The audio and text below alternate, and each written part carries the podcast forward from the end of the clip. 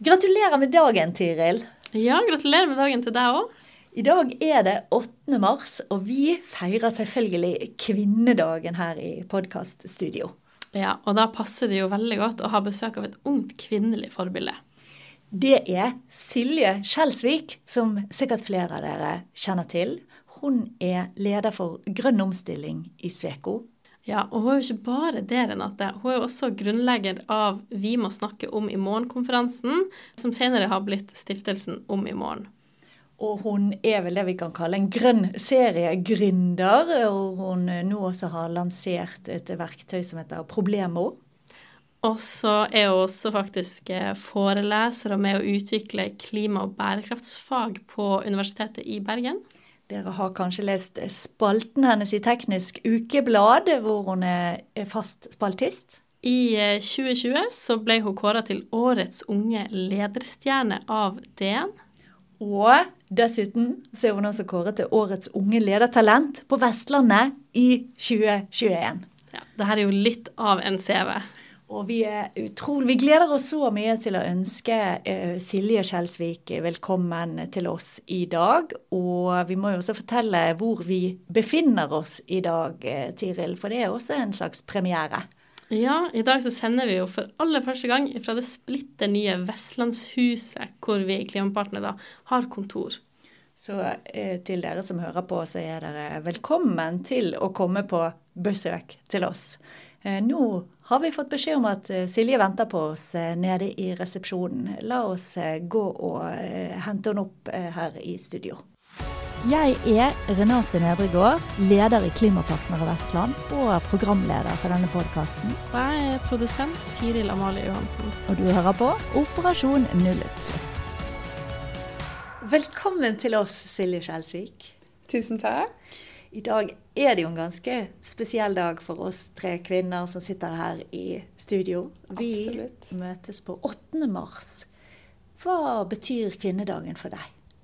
Kvinnedagen er jo en dag vi må løfte egentlig litt de kjedelige, eh, kjipe problemstillingene opp i lyset, ut i samfunnsdebatten. For vi kvinner har jo ikke i dag de samme rettigheter eh, som menn. Eller vi blir i hvert fall ikke Vi har ikke den likebehandlingen, da. Eh, så det å fremme likestilling, det å fremme hva som kan bli bedre, hvordan kan ting bli bedre, og hva slags flaskehalser er det vi må jobbe mer med. Så det er en spesiell dag, men eh, også en dag vi må bare rose hverandre, klappe for eh, oss kvinner og heie på hverandre og løfte hverandre frem, som er gode og folk som jobber for en bredere framtid.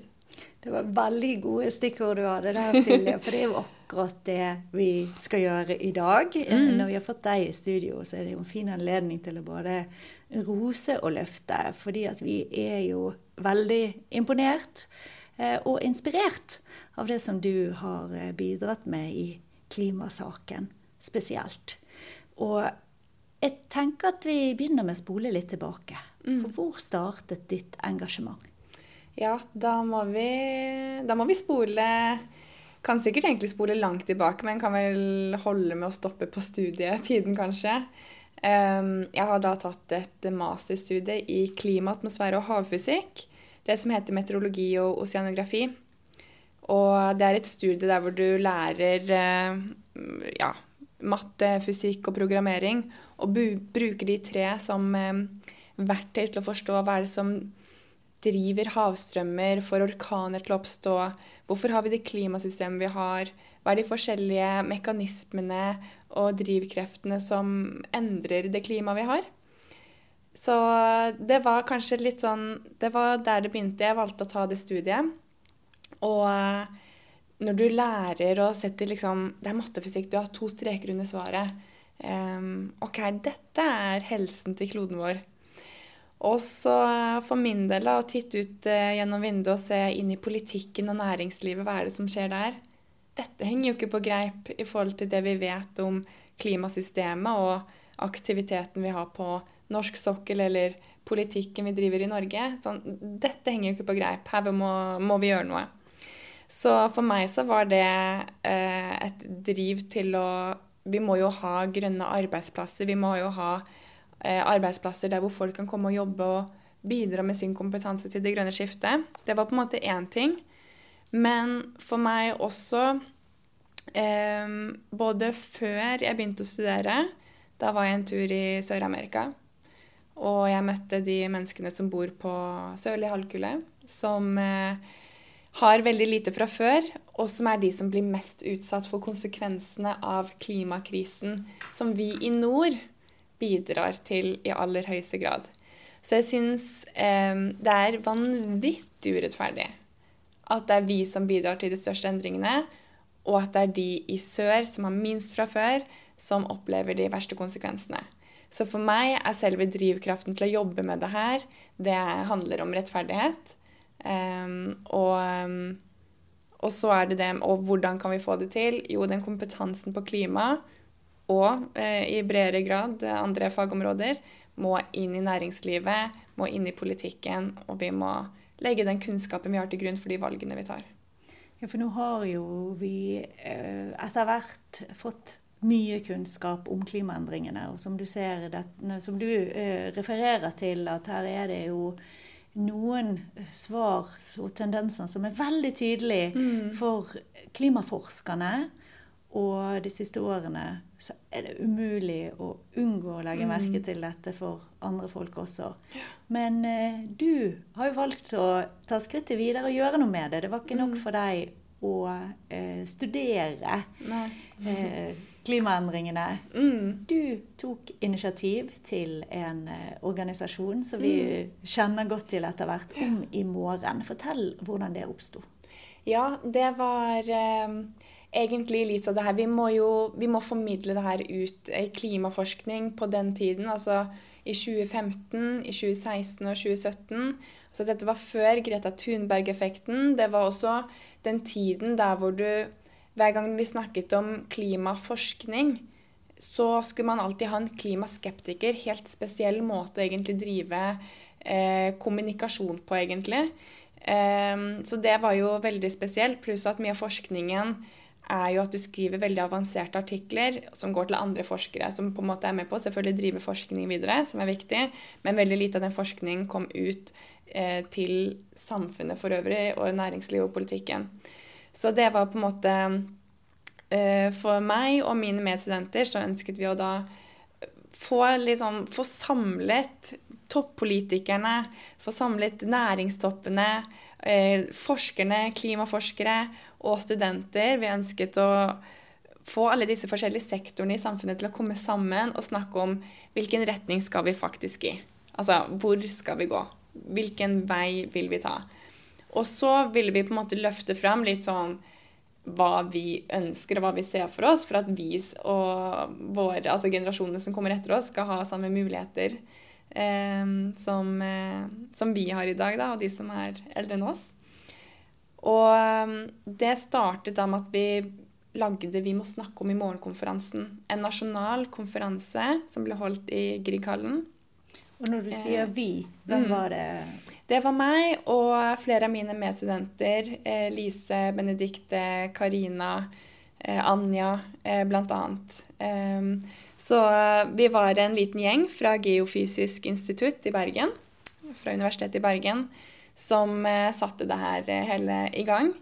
Eh, jeg hadde akkurat kommet fra um, utveksling i Australia og opplevd tropisk lavtrykk og vært på stormchasing og sett virkelig ødeleggelsene av denne type vær som vi vil se mer av framover. Så litt sånn mye engasjement og, og, ønske om å få det her til da, når jeg kom tilbake fra, fra, det oppholdet. Og sammen med medstudentene så begynte vi da med å rigge til det her. Ok, hvem skal komme? Vi inviterte jo eh, ministre. olje- og energiminister kom på den tiden Terje Søviknes. Vi fikk eh, Kari Elisabeth Kaski eh, til en debatt. Kjempespennende. Så vi, vi inviterte også flere sånn eh, ledere av norsk olje og gass. Eh, Kjøtt Pedersen f.eks., som også fikk snakke. Vi lot også fossil energi få en plass på denne scenen. Eh, også fornybar energi, fordi på denne tiden så hadde ikke Norge satt egentlig en kurs. Eh, og det er ikke mange år siden, faktisk. Nå så, var dette? Minnes på det. Eh, selve konferansen var eh, 31.1.2018. Så, um, og vi fikk jo veldig mye oppmerksomhet. Vi fikk jo da disse til å komme, ministeren og næringstoppene og klimaforskere. Og vi samlet over 600 stykker fra næringsliv, politikk og studenter, i stor grad studenter, fra alle mulige fagområder. Eh, folk med jusbakgrunn, økonomi, grafisk design, biologi, eh, geofysikk, alt. Altså vi hadde en ganske bred oppslutning som var utrolig stort. Eh, jeg tror nesten ikke vi skjønte hvor stort det var før i ettertid, når det her ble eh, ja, en mediesak, og det ble spurt når er neste konferanse. Dette her må jo skje igjen. Dette var kjempebra. Um, og da da begynte i hvert fall eh, min eh, tanke og ambisjoner om å spinne sånn Dette må jo bli enda større enn en konferanse til. Eh, det var veldig mye arbeid på å få folk. Vi jobbet dag og natt for det her. Um, så da måtte vi rett og slett se om vi ikke kunne Altså, vi må starte en organisasjon. Dette her må bli noe større. Men skal det være et AS? Skal det være en stiftelse? Skal det være en organisasjon? Eh, det brukte jeg over et halvår på å jobbe med, finne ut av, snakke med folk eh, som allerede var etablert på Vestlandet. Og så var jeg en tur i Boston og jobbet på Harvard University. Møtte med også forskere og utrolig inspirerende folk eh, på min alder, da, på MIT, der er det så vanvittig mange gründere. Og de har jo en helt annen alumnikultur, f.eks. Eh, studenter møter jo folk i næringslivet som har kapital. altså eh, du er ganske mye tettere på kapital eh, som gründer i Boston enn det du f.eks. er i, i, Norge, og kanskje Bergen. da. Så eh, der ble jeg veldig inspirert. Jeg møtte folk som hadde fått til utrolig mye. Så det her eh, tok jeg med meg tilbake til Bergen, og um, møtte veldig mange inspirerende folk her også. Og da jeg tenkte sånn For oppstarten av uh, Om i morgen-stiftelsen så hadde jeg jo universitetsledelsen i Bergen i ryggen. Jeg hadde um, instituttleder um, Nils Gunnar Kvanstø i ryggen, som var da for Geofysisk institutt, og bl.a. professor Helge Drange, som er klimaforsker. Det er liksom noen av de støttespillene. Samtidig så møtte jeg noen vanvittig rå kvinner. Heidi Gaustad, som da var markedssjef i Norconsult. Elise Sæle Dale og flere andre eh, i deres eh, vennekrets. Eh, Kari Johannessen annet også, som gikk sammen Eh, og etter noen pitcher fra Lise, min studievenninne, og meg, eh, pitchet hva skal Om i morgen være, hva kan dette bli? Norsk senter for eh, klima og energiomstilling, drevet av studenter og de unge. Eh, det var en veldig spennende tid, og med disse støttespillene i ryggen da, så fikk vi det eh, rett og slett etablert da, i sånn formelt sett juli 2019. Så det har vært en reise, da. Um, og der har jeg lært utrolig mye. Jeg visste jo ikke hva jeg gikk til. Jeg visste ikke at det kaltes gründerskap engang. og det, dette har jo definitivt blitt mer enn én en eh, enkeltstående konferanse i Grieghallen. Eh, mm. Om i morgen har virkelig etablert seg og blitt noe som inspirerer, virkelig. Eh, når du ser på det, det er det føles kanskje lenge siden dere startet, men det er jo ganske kort tid siden likevel. Mm. Hva tenker du at eh, det viktigste dere har oppnådd gjennom Om i morgen? Oi. Um, jeg tror kanskje det aller viktigste med Om i morgen-stiftelsen, det er at vi klarte å skape den møteplassen for studenter som ønsker å gjøre noe mer for studenter eh, på tvers av fagområder som ønsker å bidra til en bærekraftig utvikling og den grønne omstillingen. Det tror jeg kanskje er det aller viktigste, fordi det er så mange engasjerte og flinke mennesker der ute som har mye å gi, men som ikke vet hvor man skal gå. Og det å være om i Morgenstiftelsen som en koblingsboks mellom alle sektorer, um, og politisk helt nøytral, men likevel en påvirker og en innspiller til politikken i forhold til hvordan man kan eh, drive, og hva som burde legges til rette for for en uh, mer bærekraftig utvikling fremover. Da. Det tror jeg er kjempeviktig. Og den koblingsboksen mellom studentlivet og næringslivet Alle vil jo jobbe. alle vil jo få en jobb når man er ferdig å studere. Så det å på en måte ha den, den koblingen i dag eh, Jeg tror der kan generelt egentlig utdanningssektoren bli flinkere til å koble seg på næringsliv, eh, og sånn sett samfunnet for å få studentene til å se sitt fagområde og sin kompetanse inn i en større kontekst, og hvordan man kan bidra i høyere og større grad da, eh, inn til denne omstillingen. Også. ja. Det kan jo også gi en litt sånn flau smak i munnen fra den generasjonen som jeg tilhører. Du er jo en del yngre enn meg, Silje. Det, hvordan opplevdes det at det var studentene som måtte liksom rope høyt og si 'hallo, her er det, her må vi gjøre noe'? Og i mm. altså i navnet på stiftelsen, så ligger det jo et stort alvor. Mm. Vi må snakke om i morgen. Mm. Det, hvordan opplevde dere det at dere unge studenter var nødt til å ta mm. den rollen? Det er jo egentlig litt sånn overraskende, egentlig, at ingen andre har gjort det før. Og at ikke de som i dag eh, sitter De som sitter i lederposisjoner i dag, de som sitter med veldig mye makt og ansvar, at ikke dem selv har klart å legge til rette for dette, det syns jeg er ganske overraskende. Og den reisen har jo ikke vært lett. Det å på en måte starte en stiftelse når det er ung student og blokk, eh, det er eh, en vei å gå, det også. Og selvfølgelig eh, Altså det er jo en ansvarsfraskrivelse å ikke ta det ansvaret selv, de som sitter da og har makt og beslutningsansvar til å faktisk si hvordan morgendagen skal se ut. Det er jo det er jo veldig synd eh, at det er sånn. Og så håper jeg jo at de drivkreftene, eh, sånn som de jeg jobber med, som jeg inspireres av eh, i min hverdag, og det jeg selv jobber for å få til, den omstillingen, at, at vi blir hørt, at vi får Det er på en måte det Det viktige er det vi trenger, er jo at vi i hvert fall får en fot innenfor og en påvirkningskraft selv om de som sitter i dag i disse posisjonene, burde tatt det ansvaret og gjort dette fra før. Um, og den klimaforskningen, det vi vet i dag, det er jo ikke nytt. Altså 40-50 år tilbake i tid. Altså, hva var det På 60-tallet så visste vi sammenhengen mellom økt eh, CO2 i atmosfæren og global, eh, ja, global oppvarming. Um, så den, den er ikke ny, eh, men jeg tror at noen interesser har falt eh, Det har blitt på en måte prioritert andre interesser. da. Man har kanskje blitt litt oppslukt i velstand og tradisjoner. Og så har vi hatt hvileputen med oljen, som har gitt Norge en vanvittig velstand, men også et massivt overforbruk.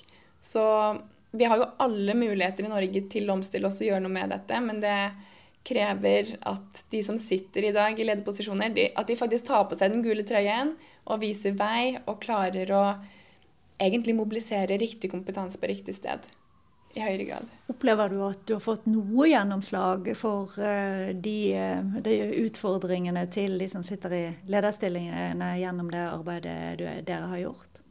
Absolutt. Jeg ser jo at mye har beveget seg f.eks. bare det prosjektet som eh, Om i morgen-stiftelsen hadde med klimapartnere og Miles og Greensight og, og flere andre, klimakartet, det var jo et veldig konkret enkelteksempel på når vi gikk ut og snakket og kartla klimamålene til alle Norges kommuner. Hva svarte de? Hva fikk vi til svar? Og for alle de som ikke har klimamål Det tok ikke altfor lang tid før plutselig man ser eh, fra et konsulentperspektiv eller fra et næringsperspektiv OK, her eh, kommunen har besluttet at de skal sette klimamål, trenger hjelp. Um, sender nå ut en bestilling på nå trenger vi kompetanse på dette. Det syns jeg var utrolig gøy å se. At det arbeidet vi bare la ned der på å mobilisere og kartlegge klimamål i Norge, det gjorde at flere kommuner har snudd seg rundt og faktisk eh, etablert klimamål og har nå et mål å jobbe mot. Og flere har også gått i gang med å eh, altså kompetanseheving i kommunen og få klimaplaner for hvordan skal de nå disse målene. Så man, eh, noen gjennomslag, det får vi. Um, og jeg håper vi kan få enda, enda mer gjennomslag fremover, da. Ja, og nå leder jo du oss videre på den uh, rollen som du har i dag. Du har ikke mm. helt uh, gitt deg i Om i mm. morgen, men du har overlatt uh, ledelsen til mm. noen andre. Hvilken, hvordan fortsetter den stiftelsen nå? Ja, nå er det jo Karina Knutsen som er daglig leder i Om i morgen. Og um, selve stiftelsen utvikler seg jo hele tiden. vokser og har jo etablert et nasjonalt navn nå på, på klima og bærekraft. Og så jobber vi med en østlandssatsing også nå, da, fordi vi har fått etterspørsel fra flere regioner i Norge om vi ikke kan få et Om i morgen-kontor der, da. Så det er noe som vi ser på. Og så har vi jo den store konferansen hvert år. Vi, skal ha, vi må snakke om i morgen-konferansen igjen i 2023. Og ja, i september. 22. september. Så det er bare å notere seg og melde seg på, egentlig. det må jeg bare oppfordre alle til å gjøre. Vi var jo på den forrige konferansen i Grieghallen, mm. og det var enormt inspirerende. Og den, de, både de temaene som ble tatt opp, og de eh, dere har fått mm. til å stå på scenen. Det er tenker jeg sier sånn Alle som hører på, må sette av datoen. Mm, absolutt. 22.9. Eh, på et eh, tidspunkt så ble engasjementet ditt, eh, Silje, mm. virkelig lagt merke til. Blant annet så ble du kåret til årets unge lederstjerne av DN i mm. 2020. Hvordan opplevdes det å få den oppmerksomheten? Det var for min del kanskje det første sånn Åh, det er noen som legger merke til det jeg gjør.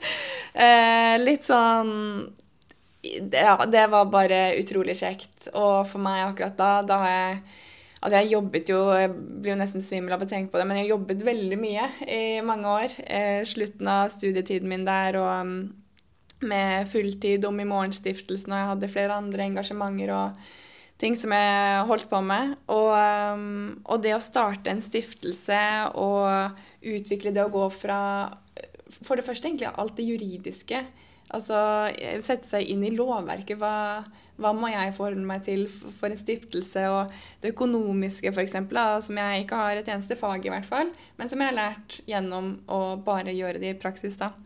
Um, så det var mye arbeid og, og bygd opp. På et tidspunkt tror jeg vi var rundt sånn 50 medlemmer.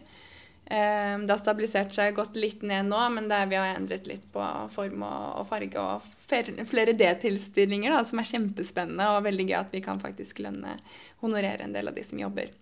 Eh, men ja, det Etter flere år med masse arbeid var det utrolig kjekt å få oppmerksomhet rundt det jeg eh, gjorde da, og jobbet for. Um, og for meg så har det på en måte bare vært en selvfølge. Eller sånn, Jeg har bare gjort det. og det har vært en drivkraft, det, det, har vært en mening, og jeg har følt at det har vært meningsfullt, og jeg har lært mye og har på en måte tatt det som en selvfølge at, eh, at jeg skal bidra og prøve å løfte frem og hjelpe andre og alt det der, da. Så det var veldig kjekt å selv få en uh, oppmerksomhet rundt akkurat det, da. Så, og jeg visste jo egentlig faktisk ikke hvor stort det var med denne DN-kåringen um, før jeg fortalte det til min samboer. Uh, og jeg fortalte ikke til, uh, til, ham før en sånn uke etterpå. Ja, forresten, de ringte, og liksom Ja, jeg skulle på et intervju der, og uh, Og han visste jo veldig godt hva det her var. og da skjønte jeg jo hvor stort det faktisk var, da, og i etterkant med den oppmerksomheten som jeg fikk etter det, og, og når jeg fikk den, holdt på å si, den toppnominasjonen på en måte etter det, det var det var utrolig gøy. Det ga meg veldig mye motivasjon. Ehm, så, ja.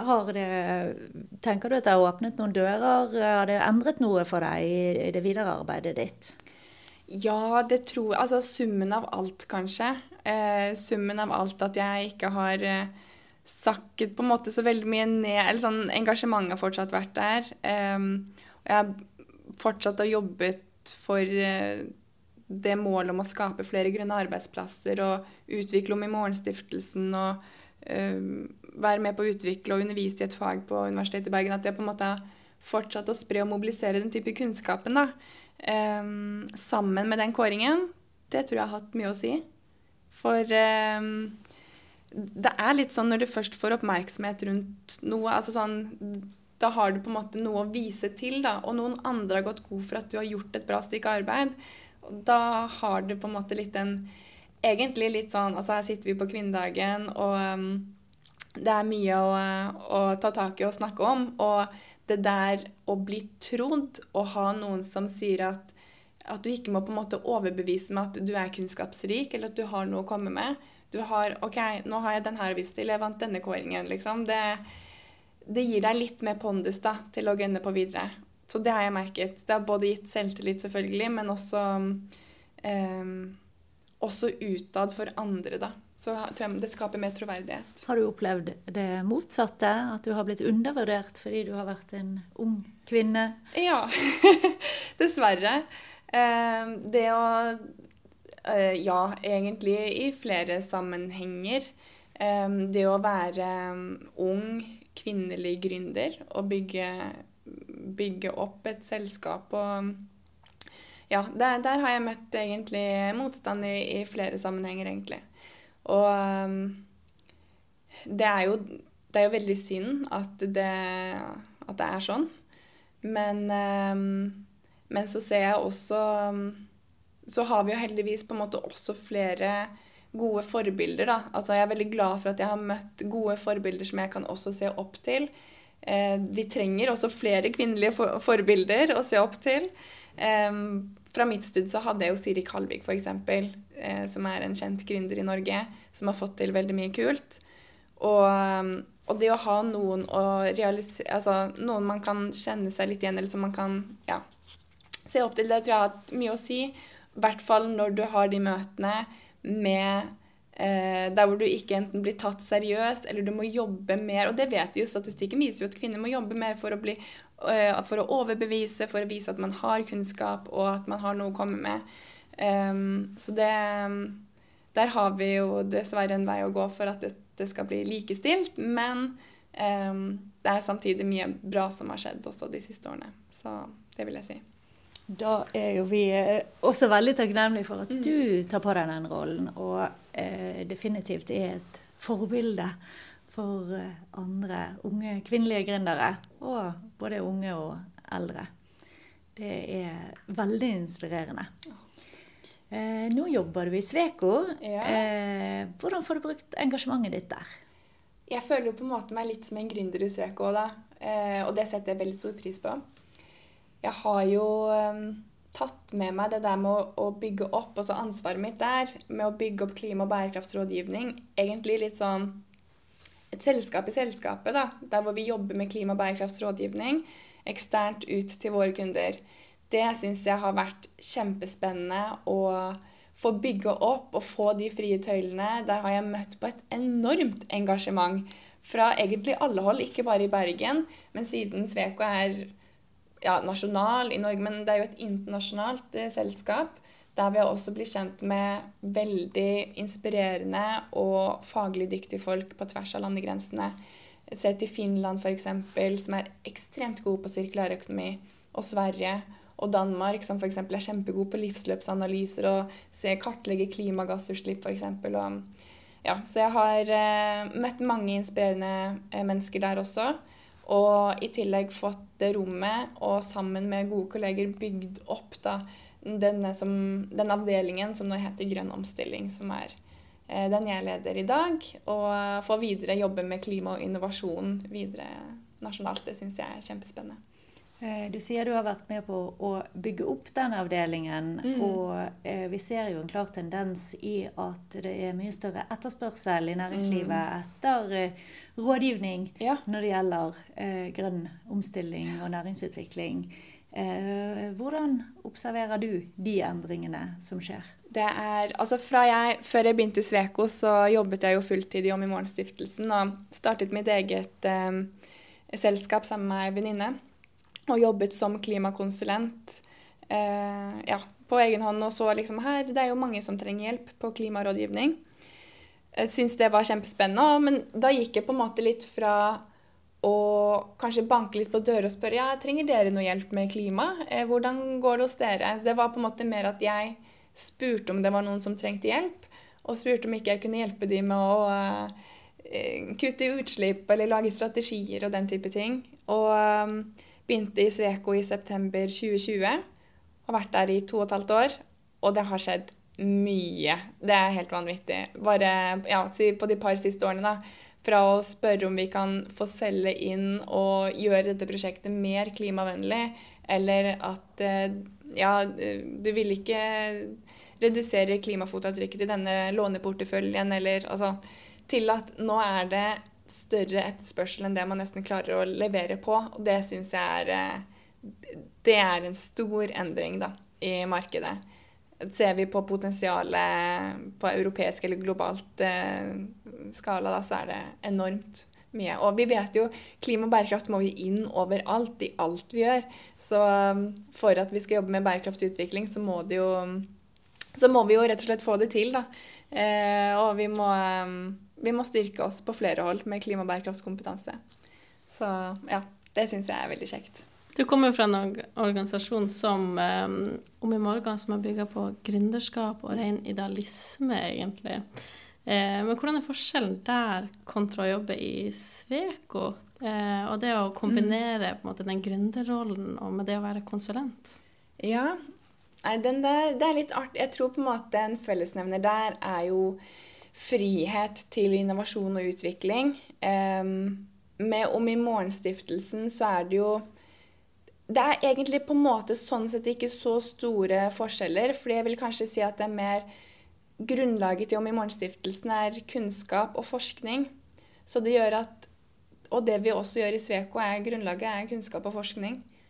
Så sånn sett så er det ganske likt, men selvfølgelig eh, å, å, være gründer i egen startup, der tar du også større risiko, men du har ganske fri flyt til å Eh, til å utvikle og gjøre ting. Og, altså, sånn, det er kanskje litt raskere prosesser enn i et større selskap som Sveko. Um, og i Sveko er det selvfølgelig også mye mer kommersielt. Men uh, samtidig så syns jeg det er veldig mye Veldig mange likheter, egentlig. Og det er jo derfor jeg syns det er kjekt å jobbe i et selskap der hvor man, der hvor man bygger hverandre opp, og der hvor man eh, møter andre som også er engasjerte. Så det er, det, jeg tror det er den med at jeg har møtt de samme, samme kanskje type folk i Sveko også, som har et enormt engasjement.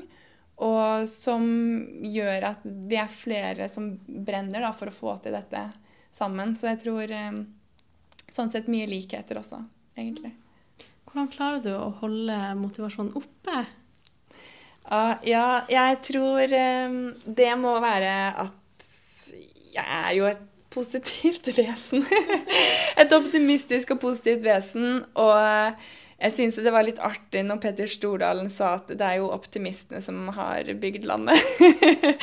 Eh, jeg tenker at eh, eh, litt sunn skepsis er alltid bra. Være litt kritisk, selvfølgelig.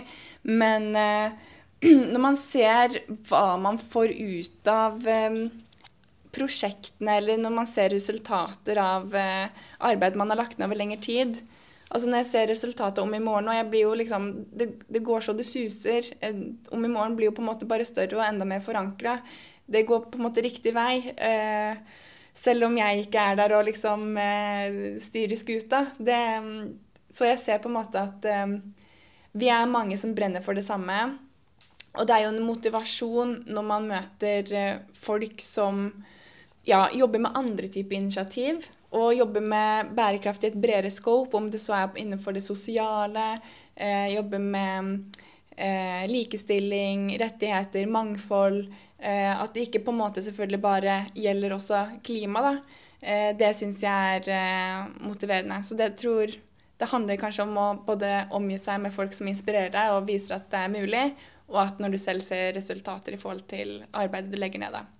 Så det, man, jeg våkner jo ikke hver dag og er drithappy og er supermotivert, men stort sett eh, veldig motivert. Og så de dagene det butter litt imot, så kan man jo alltids eh, tenke at eh, Litt sånn perfekt, uperfekt. Du kan gjøre ting så godt du vil. Um, men å kanskje aime for det perfekte, det, det gagner egentlig ingen. Um, så kanskje ha den innstillingen til seg selv og litt sånn eh, Pippi-motto med at 'Å, det har jeg ikke gjort før, så det får jeg helt sikkert til. Um, så bare skru litt mindset og skru seg litt på. Det, ja. Det er jo akkurat et sånt mindset som vi heier på i Klimapartnere, og som vi har mm. troen på. Og da er det kanskje unødvendig å spørre deg, Silje, fordi at vi mm, startet jo litt der med at du studerte klimaendringer. Mm. Og så liksom den dystre sannheten eh, som forskningen viser oss. Mm. Men eh, har du likevel troen på at vi skal klare å nå klimamålene og begrense den eh, globale oppvarmingen? Absolutt. Jeg tror um, Altså, vi har jo Det er det som er greia. Vi, vi, sitter jo med alle løsningene. Vi vet hva som er problemet. Så uh, at vi skal få det til, er på en måte egentlig ikke noe spørsmål. Eh, spørsmålet tenker jeg sånn Det er når, og det er Og når skal de som sitter i lederposisjoner i dag, de som sitter med makten, når skal de ta på seg den gule ledertrøya? Når skal de igangsette? Fordi altså, når jeg bare ser på alle engasjementet til studenter i dag, til kollegaer, til kunder, til de jeg møter, til altså Vestland fylkeskommune, klimapartnere altså vi har så mye kompetanse, vi har så mye engasjement i Norge. Dette vil jo være vår store eksportnæring i framtida. Vi har alle muligheter. Så det er litt sånn Vi får det til, det vet vi. Men når skal vi mobilisere? Når skal vi på en måte skalere dette? Nå har jo du muligheten eh, Silje, til å snakke direkte til de som hører på. I Klimapartnere så har vi jo eh, mange engasjerte ledere fra næringslivet mm. som vi er veldig stolte av. Som har rett, som jeg vet at mange mm. av de har tatt på seg den gule mm. ledertrøyen. Men til eh, de som hører på, som tenker jeg, mm, jeg har lyst til å gjøre det, men hvordan? Har du en utfordring og noen gode råd eh, til de? Ja, absolutt. Altså, det ene er jo at jeg skulle jo gjerne sett at man koblet på klima- og bærekraftskompetanse i større grad. Eh, så det å ta kontakt med de som sitter med kompetanse, det håper jeg er noe som man utnytter seg av i større grad enn det man gjør nå, da. Eh, fordi kompetanse, det har vi. Eh, og så tenker jeg at man må begynne et sted. Og man må ja, jobbe til perfekt uperfekt. Begynne et sted. Sett deg mål i tråd med Norges forpliktelser. Sett deg mål eh, som også Altså delmål som er realistiske, som du kan nå på veien. Bruk kunnskapsbaserte mål som um, Science-Based Targets, f.eks. Det er den mest internasjonale, anerkjente måten å bruke kunnskap til å sette seg klimamål på. Det er starten. Når du har målene, så er det bare å begynne å skissere veien for å nå de målene. Og trenger du hjelp, ja, så vet du at det fins kompetanse der ute. Og det fins støtteordninger man kan søke på også hvis man trenger eh, bistand eh, økonomisk også. Mm. Vi eh, har jo snakka allerede om at du er klimagründer, og vi har snakka om Om i morgen. Eh, men så har vi jo problemer også. Ja. Det er du nødt til å fortelle oss litt om. Ja, vi, eh, vi startet problemet, altså meg og to andre gründere, Åshild og Kristian. Vi startet Problemo i 2020, det òg, tror jeg faktisk. Høsten 2020. Eh, et teknologiverktøy, altså klimateknologi, for å løse problemer. Først og fremst definere problemene. Litt sånn bakteppe rundt der. Dere vet jo Eistein. Han har jo sagt mye fornuftig. Eh, sies det i hvert fall. Og han skal visst ha også sagt at eh, hvis han hadde hatt en time til å løse et problem, så ville han ha brukt 55 minutter på å forstå og definere problemet, og fem minutter på å løse det. Det som tanke bak der er jo at mange av problemene vi sitter med i dag, det var jo gårsdagens løsninger. Så vi må bli flinkere på å innovere på en mer bærekraftig måte. Og det er selve baktanken da, til problemet. Et software der hvor man kan definere problemer, forstå problemene sine, og i tillegg ja, systematisere de og jobbe med mer bærekraftige løsninger. Så dette er rettet mot eh, typiske klimaproblemer, da? Ja, egentlig alle typer problemer, fordi du skal hekte på de aller fleste problemer har jo en tilknytning til klima og bærekraft uh, uansett. Og så er dette et, hvert altså, på en måte først og fremst klima- og bærekraftsproblemer, men det handler om at du skal definere problemene, og så kobler du på hvordan det er sett i lys av klima og bærekraft. Hvordan, hva slags bærekraftsutfordringer er det CO2-utslipp, eller gjelder det avfall, eller gjelder det miljøgifter, f.eks. Eh, hva er det som driver deg til å altså Du har jo en vanvittig spennende jobb i Sveko, hvor mm. du har muligheten til å gjøre en forskjell. Og samtidig så gir du deg ikke helt det gründer. Eh, Gründer-Silje er mm. åpenbart veldig aktiv også. Mm. Hva er det som driver deg til å hele tiden lete etter de, de nye mulighetene? Det er vel egentlig en sånn sammensurium av mange ideer og møte med veldig spennende mennesker som også har mange gode ideer.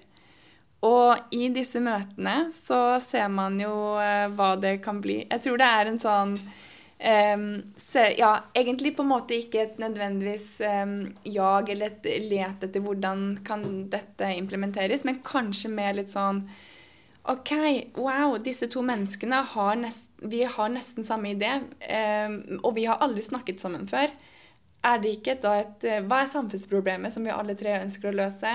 Hva, og har det noe reell verdi, på en måte? Altså Er dette noe som faktisk næringslivet trenger?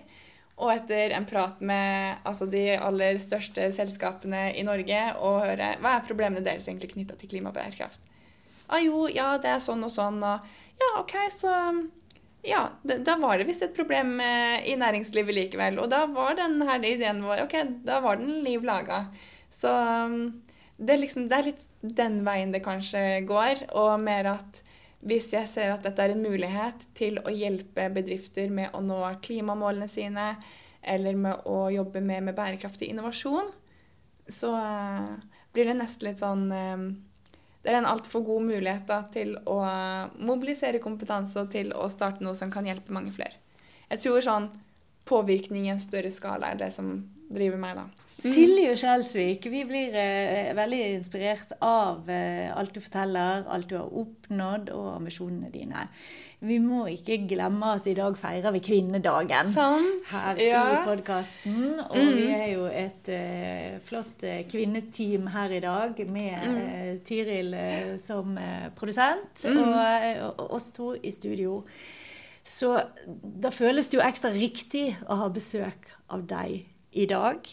Du er en rå kvinne som har oppnådd mye, som, og du har en, både en lederrolle og du er gründer. Og du er ganske sikkert et forbilde for mange, og for flere enn meg og Tiril her i studio. Eh, har du et råd sånn helt på tampen til andre unge kvinner som har et ønske om å gjøre en forskjell? Oh, ja. Um, følg nysgjerrigheten din, og dyrk det som du er god på, og det som du brenner for. Og ikke vær redd å ta kontakt med folk. Jeg tror kanskje det er det som har hjulpet meg veldig langt på vei, og egentlig for at jeg har fortsatt og hatt dette drivet.